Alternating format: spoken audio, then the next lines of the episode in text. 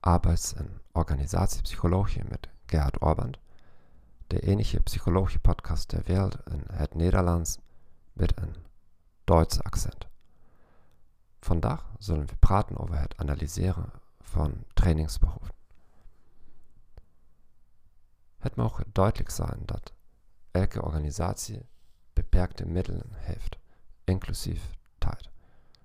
Tegelijkertijd zijn er vrij veel oneindige trainingsmöglichkeiten.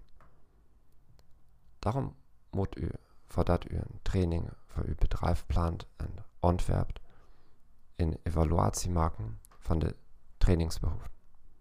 Volgens Judith Brown is dit een continu proces van het verzamelen van gegevens om te bepalen welke trainingsbehoeften er zijn, wat vervolgens helpt bij het ontwerpen van programma's die de organisatie zo goed mogelijk helpen haar doelstellingen te bereiken.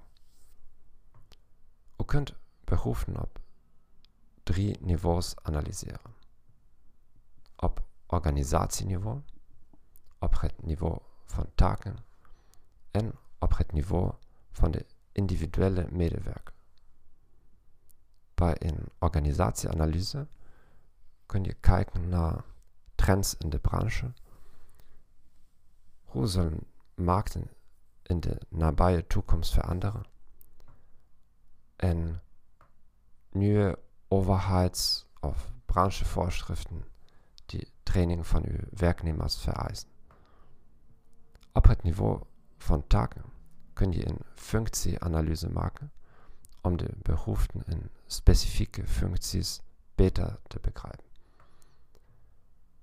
Dit omvat het onderzoeken van functiebeschrijvingen en het observeren van daadwerkelijke werkprocessen.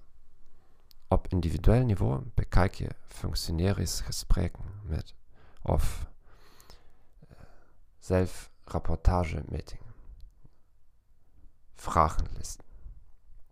U kunt feedback van klanten en veel voorkomende klachten bekijken. U kunt zowel veel voorkomende fouten als ongevallen analyseren.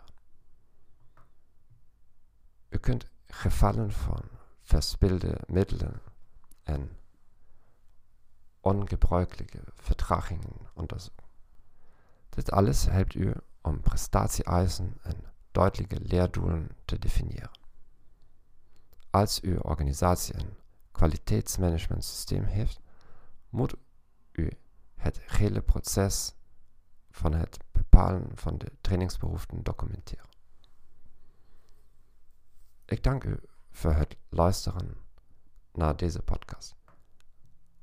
Als u wilt dat ik een gratis webinar maak over de psychologie van interculturele communicatie voor uw bedrijf, klik dan op de link in de toelichting bij deze podcastaflevering. Ik wens je een fijne dag en tot ziens.